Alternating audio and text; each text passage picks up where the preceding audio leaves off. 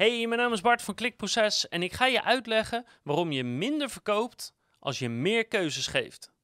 Dus verkoop je dingen op je site of shop, en ik gok dat je dat wel doet, dan ga ik je precies uitleggen van hoe dat nou precies zit, welk psychologisch effect daarin meespeelt en natuurlijk waarom dat belangrijk is en, en hoe je dat kan veranderen of kan inzetten of kan uh, gaan gebruiken om meer sales te genereren via jouw site Welkom bij Klikproces met informatie voor betere rankings, meer bezoekers en een hogere omzet. Elke werkdag praktisch advies voor meer organische groei via SEO, CRO, YouTube en Voice.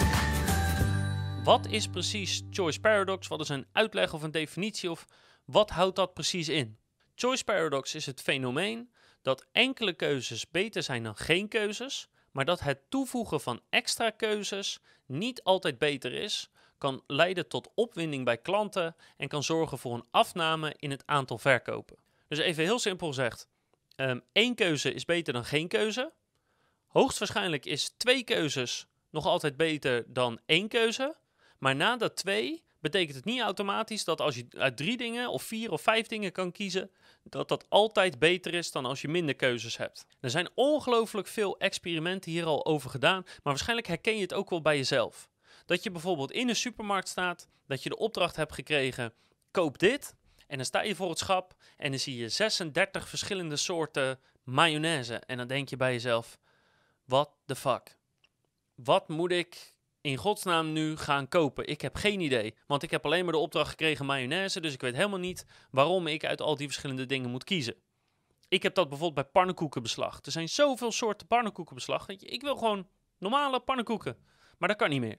Nou, er zijn heel veel experimenten over geweest. De meest bekende is misschien wel eentje, die noemen ze de jam experiment. Dus dat ze potjes jam hebben in een supermarkt.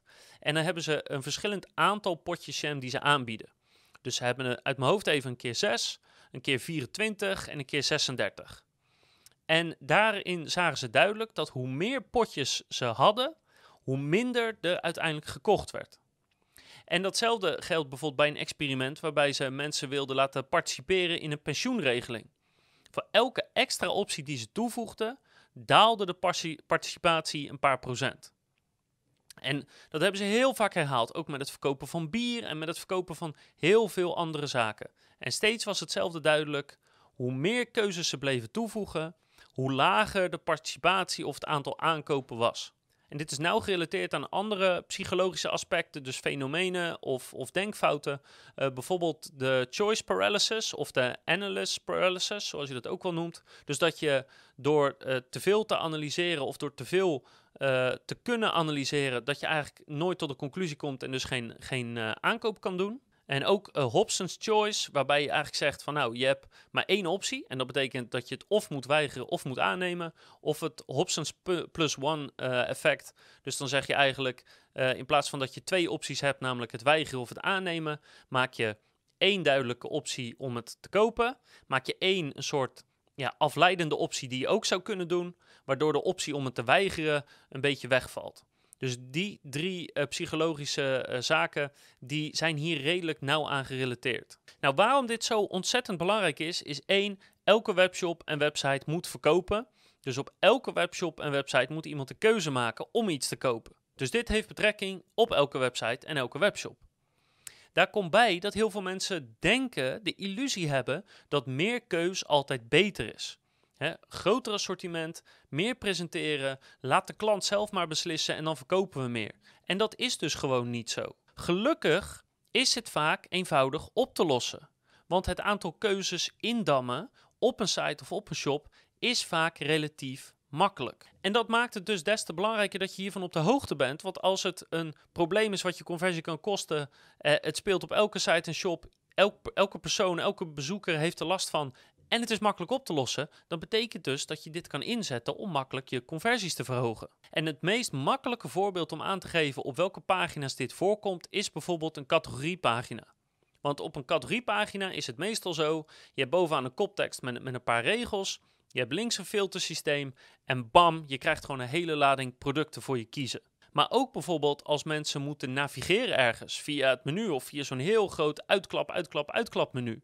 Ook daar moeten mensen keuzes maken met waar ze heen gaan en kan dus die choice paradox kan optreden. En ik heb bijvoorbeeld even zo'n zo'n voorbeeld van Home 24 of Home 24, waarbij je op een categoriepagina komt en ze laten maar kast na kast na kast na kast zien. En nou weet ik wel dat je kasten ook voor een deel op de, op de visuals, zeg maar, of op de prijs kan beoordelen. Maar het blijft hier gewoon maar komen, waardoor je uiteindelijk minder geneigd kan zijn om een beslissing te nemen, omdat het gewoon te veel is en dat je brein dan een error geeft en denkt, ik weet het niet, weet je wat, ik uh, beslis morgen wel. Wat je natuurlijk nooit doet. Dus, hoe kan je nou zorgen dat die, die choice paradox beter wordt toegepast? Dus je moet daarin eigenlijk één van twee dingen doen. Of je moet het aantal opties verkleinen. En er zijn verschillende onderzoeken die zeggen ergens tussen de 2 en de 7 is het ideale om uit te kunnen kiezen. Um, waarbij je vaak oneven gebruikt als je wilt dat mensen het middelste kiezen. Dat is helemaal ideaal. Dat heeft nog te maken met een ander psychologisch effect. En als je juist niet wil dat mensen de middelste kiezen, dat kan, um, uh, ja, dat kan zo zijn als je eigenlijk niet wil dat mensen voor het veilige gaan, uh, om bijvoorbeeld je, je gemiddelde ordewaarde te verhogen, dan kan je een even aantal geven. Dus bijvoorbeeld uh, twee of vier keuzes, zodat mensen niet de veilige middenweg kunnen kiezen en daardoor hopelijk misschien ja, net iets duurders nemen. Maar probeer ten alle tijden op alle pagina's het aantal keuzes wat mensen kunnen maken te beperken tussen 2 en maximaal 7. Dat is door de bocht genomen het, het allerbeste aantal waar mensen een keuze uit kunnen maken. Dan is het overzichtelijk, dan is het duidelijk en dan kunnen ze die relatief makkelijk vergelijken. En twee, over vergelijken dus gesproken. Als je keuzes aanbiedt, dat kan zijn in navigatie, dat kan zijn op een categoriepagina of waar dan ook. Zorg dan dat het extreem duidelijk is wat het verschil is tussen die opties. En dan zou je zeggen, ja, dat is logisch, maar zo logisch is dat niet. Want één, het moet duidelijk zijn voor jouw bezoeker. Dus bijvoorbeeld als ik uh, twee computers vergelijk en de een heeft 100 uh, eh, gigabyte uh, geheugen en de ander 110, of de een heeft 100 gigabyte RAM en de ander 110, dan zit ik als bezoeker te kijken denk ik, ja, de computers kosten ongeveer hetzelfde. Of die met net een beetje meer geheugen is net iets duurder ja, wat kan mij die RAM schelen, weet je? Dus weet je wel zeker dat je die twee opties wil aanbieden, omdat ze zo sterk op elkaar lijken. En als ze te veel op elkaar lijken, dan kan het zijn dat iemand niet weet wat hij moet kiezen en dan kiest hij maar niet. Dus zorg ervoor dat alle opties een duidelijk, extreem duidelijk onderscheidend vermogenstukje hebben. Dus een onderscheidende eigenschap of een onderscheidend voordeel of iets. Wat ook daadwerkelijk belangrijk is voor de klant. Dat is het allerbelangrijkste. Dus als je minder opties aanbiedt en de opties die je aanbiedt zijn heel duidelijk in onderscheidend vermogen, dan kan iemand een, klant, uh, een keus maken. Dan kan een klant een keus maken. En dat betekent dat je conversies meteen omhoog gaan. Dus in het geval van, van dat uh, jam-experiment, dan is het zo dat je moet kiezen op smaak. En als je een paar keuzes hebt, dan is de kans groot dat je dat je goed zit, dat je jouw voorkeur weet. Dat je zegt, nou, uh, doe mij de aardbeienjam maar, want ik weet al dat ik dat lekker vind, of, of ik hou van aardbeien of iets in die zin. Maar als je keuzes blijft toevoegen, dan zegt iemand op een gegeven moment, ja, ja, er zijn nou bijvoorbeeld eigenlijk wel drie dingen die ik lekker vind, of er zijn vijf dingen die ik lekker vind. Ja, welke moet ik dan nemen? Ja, geen idee, geen idee. Nou, weet je wat, ik neem het wel niet. Ook is het zo, en dat is ook weer een ander psychologisch effect, dat de kans dat jij fout kiest voor je gevoel steeds groter wordt. Want er zijn zoveel opties. Weet ik nou wel zeker dat ik de perfecte heb? Een stukje verliesaversie. Weet ik nou wel zeker dat ik de goede kies, dat ik er geen spijt van krijg? Ja, geen idee, geen idee. Dus twijfel, twijfel, twijfel. En bij twijfel gaan mensen niet kopen. Dus uh, ironisch genoeg, als je minder opties aanbiedt, dan voelt het voor de bezoekers alsof ze minder de kans hebben om fout te kiezen. Als je ook nog zorgt dat het heel duidelijk is wat het verschil is in die opties, dan is de klant veel zekerder van zijn zaak en is de kans dat hij kiest veel groter. En ik haalde net navigatie aan als voorbeeld van waar het qua keuze fout kan gaan. Dan zou je zeggen, joh, maar dat is toch, ja, dus de navigatie, je moet toch gewoon de een kiezen of de ander en dat is toch geen probleem? Nou, dat is dus wel zo en dat is met name als eigenlijk meerdere opties qua navigeren goed kunnen zijn. Bijvoorbeeld, ik kom op een website terecht waar ik um, software wil kopen. En dan staat er als eerste navigatiemogelijkheid staat, uh, op het aantal personen dat bij mij werkt. Dus uh, uh, 1 tot 10, 11 tot 50 en 50 plus bijvoorbeeld. Nou, daaruit kan ik duidelijk kiezen, want ik weet hoeveel mensen er bij mij werken.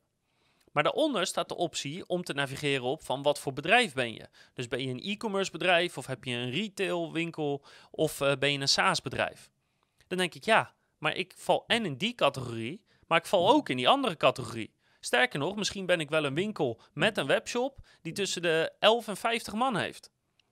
Dan heb ik drie keuzes om uit te kiezen. Welke moet ik dan nemen? Ja, weet je, geen idee. En met als gevolg dat ik zit, ja, nou ja, als je dan geluk hebt, dan klikt iemand er maar gewoon eentje aan dat hij denkt, nou, kijk of het, of zo goed komt. Maar in het slechtste geval denkt iemand, ja, weet je, geen idee, uh, ik ga wel ergens anders kijken waar het wel duidelijk is. Dus in navigatie kan ook een groot probleem zijn als één, de keuzes tussen de verschillende navigatiepaden niet duidelijk is. Of twee, als meerdere navigatiepaden goed kunnen zijn, zodat iemand niet weet wat hij moet kiezen. En dan bied je dus te veel keuzes aan in dit geval eh, te veel keuzes die allemaal correct zijn. En dan weet een bezoeker dus niet wat hij moet doen. Dus dat is hoe je met de choice paradox om kan gaan. Dus maak het aantal keuzes wat je aanbiedt kleiner. Tussen de 2 en de 7 is door, door de boot genomen, door de bocht genomen, is dat het allerbeste. En zorg ervoor dat de verschillen tussen die keuzes glashelder zijn. Dat moet echt duidelijk zijn op je categoriepagina of op de pagina waarin je de verschillende dingen aanbiedt. En zorg er dus ook voor dat niet verschillende keuzes juist kunnen zijn, want dat brengt mensen nog meer in verwarring.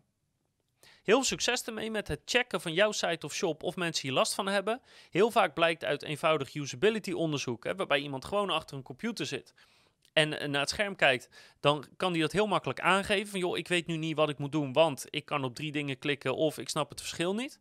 Vaak uh, kan usability onderzoek dit dus naar voren brengen. Ik zou zeggen, Ga je pagina's nalopen, ga je site nalopen, je shop nalopen. Heel veel succes ermee. Ik hoop dat je conversies flink verhoogt.